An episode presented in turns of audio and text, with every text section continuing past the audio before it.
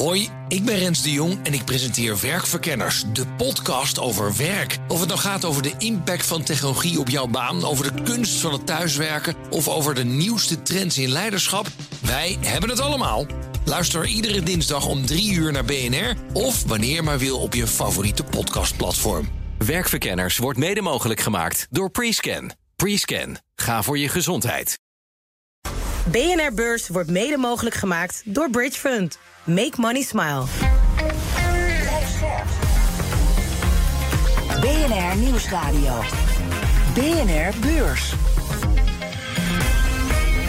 Wesley Weert, Jelle Maasbach. Welkom, een nieuwe werkweek, een nieuwe aflevering van BNR Beurs. De podcast voor de slimme belegger. Een nieuwe week dus, maar wel met dezelfde oproep.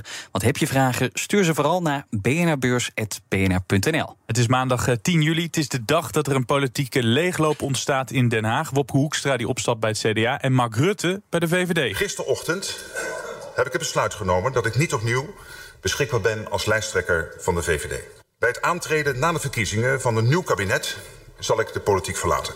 Wie er nog wel steeds is, Stan Westerterp van Bond Capital Partners, onze gast vandaag. Stan, het heeft niks met beleggen te maken, maar ja, het is wel het gesprek van de dag. Wat vind jij ervan uh, dat Rutte weggaat? Nou, het verbaast me. Ik weet nog dat ik een keer in de uitzending bij jullie een ander programma met Fred Teven stond, wat een goede vriend is blijkbaar van Mark Rutte. En die zei, ja, ze moeten hem echt in, tussen zes plankjes uh, die uh, politiek uit uh, zeg maar, halen. Ja. Um, en ja, ik, ik had eigenlijk niet verwacht. hij zei zelfs, joh, die gaat desnoods in de oppositie zitten als het moet. Maar dat is toch wel even, ja, er is een hele generatie overheen gegaan, hè, Mark Rutte. Dus het is wel opvallend nieuws. En ik vraag me ook echt oprecht af wat hij wat die hierna van plan is. Maar goed, dat zullen de komende weken en maanden wel, wel duidelijk gaan worden. Ja, straks komt er een nieuw kabinet. Maakt die samenstelling nog iets uit voor de beurs? Of moet het echt helemaal niet wat daar in Den Haag gebeurt? Nee, nou als dat het geval zou zijn, Wesley, dan had je dat vandaag al wel op de, op de beurs gezien. Uh, we hebben eigenlijk gewoon een klein plusje neergezet. Wat veel belangrijker voor ons is natuurlijk de internationale ontwikkeling uh, van de economie en, en de markten. En wat de rentes doen en inflatie en dat soort zaken. En ja, wat in het kleine kikkerlandje Nederland gebeurt qua politiek. Ja, dat is, dat is voor ons heel erg leuk. En voor de radiozender, maar voor beleggers, zeker internationaal, heeft dat niet zoveel impact. Nee, je had het net al even over dat plusje van de AX. Want die sloot inderdaad hoger, 0,3 procent om precies te zijn. Net onder de 756 punten. Bezi mag zich de grote winnaar noemen. Dat kreeg er 4,4 procent bij. Straks hebben we het over Janet Yellen, haar collega's, de minister van Buitenlandse Zaken en de president zelf. Die hebben de relatie met China nog beroerder gemaakt. Zij moest naar China om de boel te sussen. Nou, je hoort zo meteen uh, of dat gelukt is. Maar eerst, wat zag je nog meer, Wes? Nou ja, vorige week kregen we natuurlijk die dramatische cijfers van uh, Samsung. Want daar stortte de omzet in elkaar en de winst verdampte vrijwel helemaal. Nou ja, reden mensen kopen even geen nieuwe telefoon. En dus waren beleggers bij TSMC voorbereid op het ergste. Maar die cijfers, die vallen dan weer heel erg mee. Want daar daalde de omzet afgelopen kwartaal weliswaar met 10 procent. Maar dat is minder heftig uh, dan gevreesd. Hoe kon dat? Ja, TSMC merkt ook wel dat er minder geld wordt uitgegeven aan elektronica en telefoons. Maar die weggevallen omzet wordt grotendeels gecompenseerd door, ja, daar is hij weer, AI. De sterke oh vraag naar AI-chips. Ja, en laten die nou wel gretig uh, aftrek vinden. Ja, het ging over het vertrek van Rutte, maar uh, op de beurs ging het over een ander vertrek. Dat van Beterbed. Het kreeg namelijk een uh, overnamebod. Een investeringsmaatschappij wil Beterbed hebben. Het biedt 6,10 euro op alle aandelen. Dat is meer dan het dubbele van de koers van vrijdag. Zowel het bestuur als de RVC steunen het bod. En ook grote aandeelhouders. Goed voor 44% van de aandelen stemmen in. Topman Jon Kruisens die legt uit waarom hij voor deze kopen kiest. Ze zijn niet specifiek heel erg retail gefocust. Zij hebben een hele brede portfolio van bedrijven waar ze naar kijken. Maar wij denken vooral met hun ondernemende geest en de stijl waarin ze zaken doen en hands-on zijn, dat dat heel erg bij ons past. Stan, denk je dat die andere aandeelhouders ook uh, gaan volgen? Je bedoelt de aandeelhouders die niet al mee met dit bot hebben ingestemd? Ja. ja, kijk, als je kijkt naar inderdaad dat het bot is echt wel in die zin een knock-out bot. Het ligt 100% boven de, uh, de slotkoers van afgelopen week. Uh, en uh, in een bedrijf waar het al niet zo heel erg lekker liep... en ook de beurskoers niet zo lekker liep de afgelopen tijd. Ehm, volledig in cash. en als je dan al bijna 50% van de, aandeel, van de grote aandeelhouders mee hebt dan uh, ja, als kleine aandeelhouders uh, heb je eigenlijk maar gewoon, uh, denk ik, heel erg blij te zijn en gewoon de liquiditeiten te incasseren. En op zoek gaan naar een volgend beursavontuur. Ja, nou hebben we het niet zo vaak over dit bedrijf. Jij zei net al, er liep een heleboel verkeerd. Kunnen we dit dan een mislukking noemen op de beurs? Ja, dat vind ik wel een hele sterke kwalificatie. Maar als je kijkt naar de beurskoers van de afgelopen jaren... dan is dit niet een, eh, een, een hoogvlieger gebleken. En het is natuurlijk, de, de topman zei het net al, echt retail. Dat betekent uh, hoge, hoge volumes, lage marges... En ook niet een landschap waar, waar, waar geen concurrenten actief zijn. Dus ik ben ook heel benieuwd hoe dat Torx Capital, wat het nu overneemt... wat een private equity club is... ja, wat zij nog voor groeiambities hierbij hebben. Of dat ze misschien nog andere niet-beursgenoteerde ondernemingen zien... die ze, die ze aan de kralenketting kunnen rijgen... en daarmee toch een... Ja, een sterke speler kunnen maken. En misschien uh, op termijn weer terug kunnen brengen naar de beurs. Of als geheel kunnen doorverkopen. Kijk, die groot aandeelhouders die uh, hiermee al hebben ingestemd. die herinvesteren wel in het bedrijf. Mm -hmm. Dus die zijn blijkbaar toch wel enigszins overtuigd van de plannen van deze club. Dus ja, dat zet ook wel, uh, denk ik, een, een, ja, een positief, zendt een positief signaal uit rondom deze, deze bieding. En er wordt weer eens een keer een bedrijf van de beurs gehaald. Verwacht jij meer bedrijven die een uh, overbod, overnamebod gaan ontvangen? Nou, eigenlijk op dit moment is het best vreemd. Want je ziet natuurlijk dat van deze, dit soort biedingen is uh, met de opgelopen rente steeds moeilijker geworden. Dat is ook meteen een antwoord op de vraag: ja, waarom zien we zo weinig uh, overnames plaatsvinden? Omdat het financieren daarvan gewoon echt heel erg uh, prijzig is geworden. En we weten natuurlijk van private equity dat dat vaak met vreemd vermogen gedeeltelijk wordt of veel wordt gefinancierd. Ja, dat, dat betekent dat de overnames duurder worden en de prijzen dus ook wat lager komen te liggen. Um, en dat betekent dus ook dat het automatisch minder interessant kan zijn om bedrijven van de beurs te halen. Maar je ziet dus wel als een bedrijf ja, toch in een, in, een, in een plek zit die blijkbaar strategisch nog interessant is... en waar een overnemende partij denkt uh, groei te kunnen halen... en het ook te kunnen financieren, dat het nog wel plaatsvindt. Maar ik denk dat dit geen opmaat is naar een, weer een enorme explosie van bedrijfsovernames. Nou, iets anders dan, want terwijl wij in Europa nog altijd last hebben van torenhoge inflatie... hebben ze in China een heel ander probleem, want daar is de situatie volledig omgekeerd... en kampen ze met fikse prijsdalingen vanwege de lage vraag naar producten. De Chinese inflatie daalde vorige maand tot 0% en dus dreigt daar nu deflatie. En de kans daarop is extreem groot, zegt PNR's huiseconoom Han de Jong. 99 procent wel of zoiets. Ze staan al op het randje. Hè. Het gegeven prijsontwikkeling een jaar geleden... dat de kans dat ze dus uh, onder nul komen... ja, die kans lijkt me heel erg groot. Het wordt steeds duidelijker dat de situatie zichzelf niet gaat oplossen. Dus dan, hoe kan China deflatie voorkomen... of in ieder geval de schade zoveel mogelijk beperken? Nou ja, de oude truc die we uh, wereldwijd natuurlijk al jarenlang uh, inzetten... is gewoon de geldpers aan. Hè? Rente naar beneden, uh, onder nul en obligaties opkopen. Maar zet China er financieel genoeg goed voor om dat te kunnen doen? Nou ja, kijk, dat is natuurlijk altijd de vraag. In China is dat ook moeilijker om in te schatten dan bijvoorbeeld in de westerse landen of eh, in Amerika of in uh, Noord-Europa. Uh, maar dat is wel het geëikte pad om ervoor te zorgen dat, uh, dat die ja, desinflatie of deflatie, dat, die, dat dat tij wordt gekeerd. En dat heeft natuurlijk alles te maken met wel of geen economische groei. En dat is misschien nog wel zorgwekkender, dat China van origine natuurlijk de groeimotor is van de wereldeconomie. Ja, die begint te haperen. en dat zal ook voor ons absoluut consequenties hebben. want we zien dat natuurlijk al vaker dat ook bij ons zeg maar prijzen in de industrie en zo best wel fors aan het dalen zijn. Um, en ja, dat zal op een gegeven moment toch ervoor zorgen dat bij, ook bij ons ook waarschijnlijk die inflatie wat gaat dalen. Alhoewel die kerninflatie natuurlijk wel hardnekkig is. En dat heeft weer met looneisen et cetera te maken. Maar terug naar China. Ik denk dat uiteindelijk uh, de Chinese overheid hier een belangrijke taak zal hebben om ervoor te zorgen dat die economie weer, uh, weer op gang komt. Ja, ik zag nog uh, slecht nieuws uh, voor banken. De Amerikaanse banken die hebben financiële tegenvallen, meldt de Financial Times. Doordat de rente fors is gestegen, komen klanten in de problemen en lossen steeds vaker niet af, vooral op hun uh, creditcard. Dat zorgt ervoor dat de grootste zes Amerikaanse banken bij de komende kwartaalcijfers de grootste kredietverliezen rapporteren sinds het begin van de coronapandemie. Al dus de Financial Times. Analisten die hebben uitgerekend dat de banken gezamenlijk 5 miljard dollar moeten afschrijven. En hoe zit het met die stoppenpotten?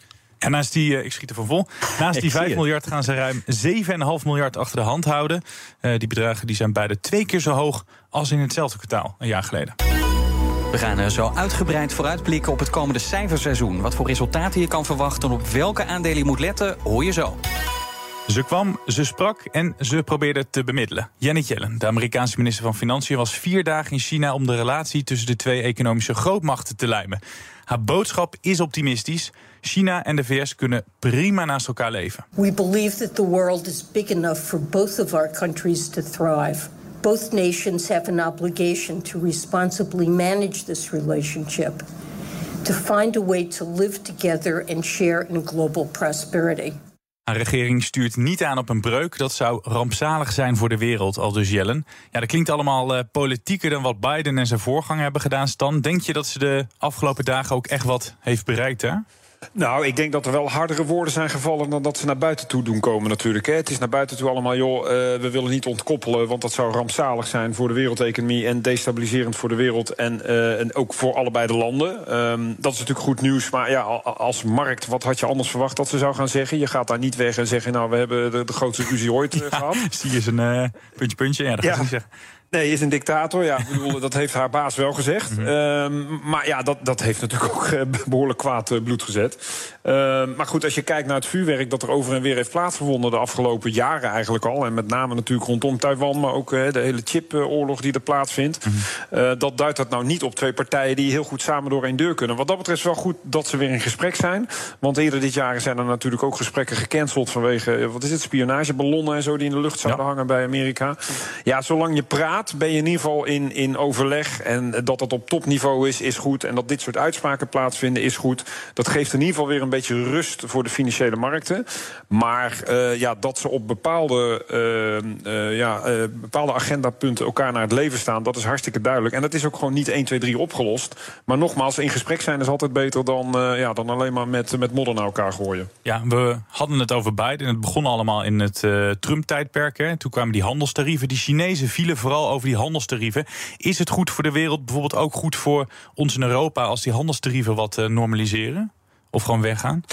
Ja, dat denk ik wel. Kijk, iedere uh, beperkende factor voor, voor vrije wereldhandel is uiteindelijk niet goed voor de wereldeconomie. Hè. Dus je, de, als je puur vanuit een kapitalistisch oogpunt kijkt, dan is zoveel mogelijk uh, liberalisme is het beste. Maar ja, vaak begrijp je het ook wel weer dat bepaalde landen toch hun industrie willen beschermen of bepaalde sectoren willen, willen beveiligen. Um, ja, dat ze, dat ze gewoon beperkingen gaan, gaan opleggen. Um, en met, met ja, allerlei argumenten daarvoor. Maar nogmaals, voor de wereldhandel en voor de wereldeconomie is geen enkele beperking natuurlijk goed. Nee, wat ga je daar als belegger uh, van merken als die relatie uh, weer beter wordt? Nou ja, dat zou je bijvoorbeeld kunnen merken. Hè. De chipindustrie, dat is net al even gevallen. Stel je voor dat daar toch weer uh, wat meer openheid in betracht wordt. Hè. We hebben natuurlijk al gezien dat bijvoorbeeld een ASML geen, niet de allerbeste machines naar China mag exporteren. Dat betekent dat er natuurlijk gewoon een klant wegvalt. Alhoewel ASML die machines prima aan andere partijen kan verkopen. Uh, maar ja, het is toch een grote klant uh, die, uh, die wegvalt. En, en, aan de andere kant heeft China uh, de grondstoffen die nodig zijn voor chipproductie. de, de, die rare earth metals, um, rare earth metals, moeilijk woord, hebben ze um, beperkt. De vraag is wat dat gaat betekenen voor de wereldwijde chipproductie weer. Ja, dat zijn allemaal beperkende factoren die nogmaals de wereldhandel niet ten goede komen. Dus vanuit beleggersperspectief, hoe minder restricties, hoe beter dat het is. Uh, ja, dan zullen beide partijen toch nader tot elkaar moeten komen. Zonder dat ze uh, ja, ook weer ruzie krijgen over defensie of over Taiwan of dat soort zaken. Maar goed, daar staan ze echt wel lijnrecht tegenover elkaar. Van wat zij vinden hoe dat de wereld eruit moet zien. Dus ja, dat is ook niet met een gesprekje en, of een vierdaags bezoekje van Janet Yellen opgelost. Maar het is in ieder geval wel fijn dat ze uh, beide inzien dat een ontkoppeling tussen die twee economieën rampzalige gevolgen zou hebben. Dus dat ze zover allebei niet willen gaan. BNR Beurs. Weinig uh, koersuitslagen op Wall Street. De Dow Jones staat 0,4% hoger. De S&P 500 komt uh, nauwelijks van zijn plek. En de Nasdaq uh, staat 0,2% lager. Meta was een van de weinige techreuzen die in de plus stond. Maar daar is inmiddels ook niks meer van over. Want het aandeel staat, daar gaat 0,7% vanaf. En dat, ja, terwijl het toch een optimistisch bericht was over Threads, die Twitter-kloon, die Twitter-concurrent van Meta. Want die krijgt er nog altijd in sneltreinvaart nieuwe gebruikers bij. In de eerste vijf dagen na de lancering al ruim 100 miljoen gebruikers. Best veel. Ja, dat is best wel veel. En daarmee uh, verbreekt Threads het record van ChatGPT als snelst groeiende app. Want ChatGPT die had uh, twee maanden nodig voor die mijlpaal van 100 miljoen gebruikers. En dat doet Meta dus een stukje sneller. Ja, we blijven even in de, de techhoek. Collega Joe van Buurik die wees mij op een leuk verhaal over Activision Blizzard. Deze week komt de uitspraak. Gaat die overname door Microsoft nu door of niet? Deze week moet de rechter in San Francisco uitspraak doen of de overname van Activision Blizzard nou doorgaat of niet. En het interessante is dat juist tijdens de hoorzitting er speculanten uit alle hoeken van het land naar San Francisco kwamen om maar een glimp op te vangen, non-verbale communicatie of een ander signaal dat kan wijzen op de uitspraak van de rechter. En dat maakt het interessant, want als deze deal doorgaat, welke overnames van techreuzen kunnen er dan nog meer gaan komen? Is wel mooi, hè? Dat ze dan dus op zoek zijn naar die non-verbale communicatie... om te kijken of die overname niet doorgaat of niet. Joe van Buurik hoorde je van BNR Digitaal. Kan je trouwens gewoon naar luisteren als je van tech houdt. Ik zou zeggen, zoek het op in je favoriete podcast-app. BNR Beurs. Als je dit geluid hoort, dan weet je, het is tijd voor de zomerserie. De komende vijf dagen staan we stil bij het eh, aanstaande cijferseizoen. Eind deze week past het dan eindelijk los. Dan komen als eerste de Amerikaanse banken met de resultaten. En wij gaan ervoor zorgen dat je goed voorbereid die cijferstorm tegemoet gaat. Stan de afgelopen weken kwamen verschillende bedrijven met winstwaarschuwingen... waaronder Flow Traders en DSM Firmenich. Moet je voorbereid zijn op uh, meer waarschuwingen dit seizoen? Nou, ik denk dat uh, zeg maar de window of opportunity daarvoor toch al wel een beetje aan het slinken is. Dus ik denk dat veel bedrijven dan al wel gekomen uh, hadden moeten zijn. Dus ehm, ja, er zullen nog wel wat winstwaarschuwingen gaan volgen. Uh, en ook omzetwaarschuwingen uiteraard. Uh, maar het, het, merendeel is daar denk ik toch al van geweest. Want ja. meestal weet je wel, zeg maar, net na het afsluiten van het kwartaal... waar het ongeveer naartoe gaat. En op het moment ja, dat je dat weet, dan is het ook zo zaak... om dat zo snel mogelijk naar de markt toe te brengen... voordat er van allerlei speculatie gaat uh, plaatsvinden. Mm -hmm. dus ik denk dat het, dat het ergste wel geschiet is op het gebied van, van winstwaarschuwingen. Ja, misschien dan geen waarschuwingen, maar het kan nog steeds tegenvallen. Want ik zag dat analisten voorspellen dat de gemiddelde winst van de S&P 500 bedrijven met bijna 7% is gedaald. Wat is daarvoor ja. de belangrijkste reden? Nou ja, de belangrijkste reden is eigenlijk puur cyclisch. Hè, dat we hebben gezien dat 2022 een moeilijk jaar was... en dat we toch aardig wat herstel weer hebben gehad in de eerste helft van dit jaar. Uh, maar dat je ziet dat dat tempo van de stijgingen... die we in de eerste helft van dit jaar hebben gehad... gewoon niet vol te houden is. Nee. En dat je inderdaad toch een paar procent lager uit zal komen... Uh, qua winstgevendheid over de hele S&P genomen. Mm -hmm. um, en ik denk dat dat ook wel symptomatisch is voor wat we in, voor de hele wereldeconomie natuurlijk verwachten. Is toch dat we, nou ja, recessie of niet, maar in ieder geval dat er een, een, een sprake is van een stabilisatie en in ieder geval geen flinke groei in de, in de wereldeconomie. Nee, waar kunnen we de grootste tegenvallers verwachten?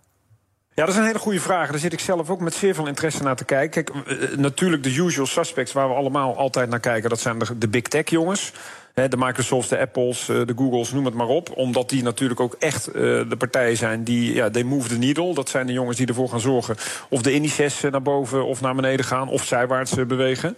Ja. Maar wat ik persoonlijk heel interessant vind is... en dat heeft alles te maken met die rente die toch maar door blijft stijgen... ook in Amerika, de tweejaarsrente staat al bijna op 5 is uh, te kijken naar sectoren die, die bovengemiddeld uh, exposure, blootstelling hebben aan, uh, aan die rentes. En dan denk ik natuurlijk toch meteen aan banken en verzekeraars. Ja. Maar wat ik bijvoorbeeld specifiek ook heel interessant vind, is commercieel vastgoed in Europa. Je ziet daar dat prijzen van beursgenoteerde bedrijven ja, echt onderuit zijn gegaan op basis van die hogere rentes uh, in Nederland, maar ook bijvoorbeeld in Duitsland. Als je kijkt naar Vonovia, hè, dat veel uh, vastgoed heeft daar, uh, ja, die zijn meer dan 60% gedaald in waarde. En dat heeft alles te maken met, het, met de leverage zeg maar, binnen het bedrijf en het feit dat er dus hoge schulden zijn en dat de rentes oplopen. En dat je dus ziet dat de waarde op de beurs van dit soort bedrijven echt een fractie is van de waarde van wat het vastgoed waard zou moeten zijn. Ja. En dat vind ik heel interessant. Vandaar dat ik met extra veel aandacht naar die kwartaalcijfers ga kijken. Ja, dus banken en vastgoed. Dan ook nog even over de banken. Want ja, Jelle had het daar aan het begin van deze uitzending over. Ze hebben ook een probleempje omdat veel klanten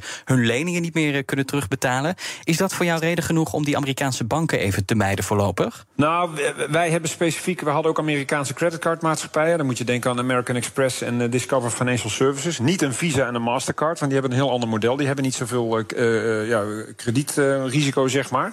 Maar daar zie je inderdaad dat de defaults op, de, op de uitstaande kredietleningen, creditcards, dat die, dat die best wel eens kunnen op, oplopen. Dat noemen we de delinquency rates.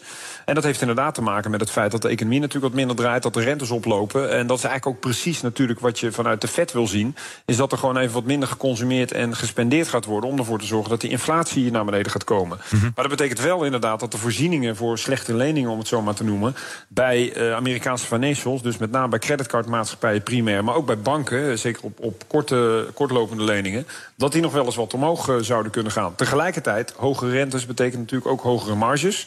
Dus dat zou elkaar weer dan een beetje in balans moeten brengen. Maar dat zijn wel inderdaad uh, uh, ja, de dingen waar jij, van, van, van, zwakte waar we naar gaan kijken eventueel. Maar dan hebben we het over de Amerikaanse spelers. Hoe zit het met de ABN AMRO's en de ING's? Hoe staan die er beter voor? Ja, wat we in Nederland natuurlijk meer zien is dat uh, zeker de hypotheekbanken... dat dat toch allemaal wat langer gefinancierd is en wat minder risicovol is. En dat je daar wel ziet dat die marges natuurlijk ook echt... die rentemarges echt fors zijn toegenomen afgelopen kwartaal al. en dat we ook hier verwachten dat dat wat verder toeneemt. Want de, de spaarrenteverhogingen houden het niet bij met de verhogingen van de, van de hypotheekrentes en de bedrijfskredieten, zeg maar. Ehm, dus ik verwacht eigenlijk in, in het Nederlandse landschap, in die zin in bankenlandschap, niet dat we uh, ja, enorme tegenvallers uh, zullen verwachten. Sterker nog, ik denk dat rentemarges uh, het goed zullen doen, ook dit kwartaal weer. waar ik wel ook met zeer veel interesse naar kijk, is naar de verzekeraars. Want die zijn toch echt wel achtergebleven qua waardering. En als je daar kijkt naar wat ze bijvoorbeeld aan dividendrendement opleveren, hè, noem een Egon of noem een NN Group, ehm, ja, dan is dat gewoon heel interessant. Soms is dat zelfs double digit, op, bijna op 10 procent. Uh, op deze beurskoers. Terwijl de solvabiliteit van deze partij vrij goed is. En ook een hoge rente uh, op lange termijn beter zou moeten zijn voor verzekeraars. Dus dat is ook een interessante sector om, om in de gaten te houden. Ja, nou zijn die verzekeraars niet de enige die zijn achtergebleven. Want ik zag een bericht van Citigroup, de analisten daarvan. En die zeggen dat Europese aandelen goedkoper zijn dan ooit. als je ze vergelijkt met de Amerikaanse. en toen vroeg ik me af, ja, zijn die Europese aandelen vanwege die recordkorting dan ook extra interessant nu? Ja, in relatief opzicht wel. Alleen, ja, we weten allemaal dat er altijd natuurlijk een valuation gap is tussen Amerika en Europa. Ja, dat uh, je, kan je, dan, je kan je dan afvragen, is Amerika gewoon niet veel te duur geworden? En dan kom ik toch weer terug bij die big tech jongens. Een Apple die uh, op 3000 miljard dollar waarde staat, marktwaarde. Terwijl we echt niet hoeven te verwachten dat die de omzet nog eens een keer gaan verdubbelen het komende jaar. Ja, daar kan je ook van afvragen, is dat wel, is dat wel realistisch? Zeker in het licht van uh, die rentes die zo hard opgelopen zijn. maar dat geeft toch maar weer aan dat er ja, in die zin niet zo heel erg veel zorgen zijn uh, op dit moment uh, rondom uh, de kern zeg maar, van de Amerikaanse economie en de big tech jongens. maar ja, ik ben het met je eens, Wesley. Die discrepantie is er altijd geweest. En als je nu zou moeten kiezen, dan zou ik eerder voor Europese aandelen gaan dan voor Amerikaanse aandelen. Dit was de maandag. Het was met dagje wel. Eens kijken wat er morgen op de agenda staat. Nou, dan gaat het over een rapport van de OESO e over de Europese arbeidsmarkt. Waar we na vorige week nog meer op gaan letten toen we die cijfers uit Amerika kregen. Je hoort collega, beurscollega Danielle Kastemans. Het waren cijfers waar onze vriend van de show, Corné van Zel, ook stel van achterover sloeg. Afgelopen week hebben we gezien dat de EDP-cijfers naar buiten kwamen. En die waren ongelooflijk goed. Een half miljoen nieuwe banen in de maandtijd erbij. De non-farm payrolls, dat zijn de bredere cijfers, die waren juist heel erg teleurstellend. Dat was toen. Nu kijken we naar de cijfers van de OESO. De OESO komt met het jaarlijkse rapport dat laat weten hoe de arbeidsmarkt ervoor staat in de lidstaten. Uit het rapport zal onder meer blijken wat voor invloed de inflatie heeft op de lonen. Ook komen we te weten hoe het afgelopen maand gesteld was met het ondernemersvertrouwen onder MKB'ers in de Verenigde Staten. Vorige maand bleek dat ondernemers weer een wat optimistischere blik op de wereld hadden. Nadat het ondernemersvertrouwen twee maanden op rij was afgenomen, steeg het vorige maand weer lichtjes. De vraag is of deze trend doorzet. Maar waar het deze dag vooral om draait, zijn de inflatiecijfers van het CBS. Nou, de tip en de vooruitblik van Stan die heb je al gehad. Dus dan kunnen we afsluiten. Dit was hem. Stan Westerterp van Bond Capital Partners, bedankt. En jij bedankt voor het luisteren. Wij zijn er morgen weer. Fijne avond en tot dan. Morgen. BNR Beurs wordt mede mogelijk gemaakt door Bridge Fund. Make money smile. Hoi, ik ben Rens de Jong en ik presenteer Werkverkenners, de podcast over werk. Of het nou gaat over de impact van technologie op jouw baan, over de kunst van het thuiswerken of over de nieuwste trends in leiderschap, wij hebben het allemaal. Luister iedere dinsdag om drie uur naar BNR of wanneer maar wil op je favoriete podcastplatform. Werkverkenners wordt mede mogelijk gemaakt door Prescan. Prescan, ga voor je gezondheid.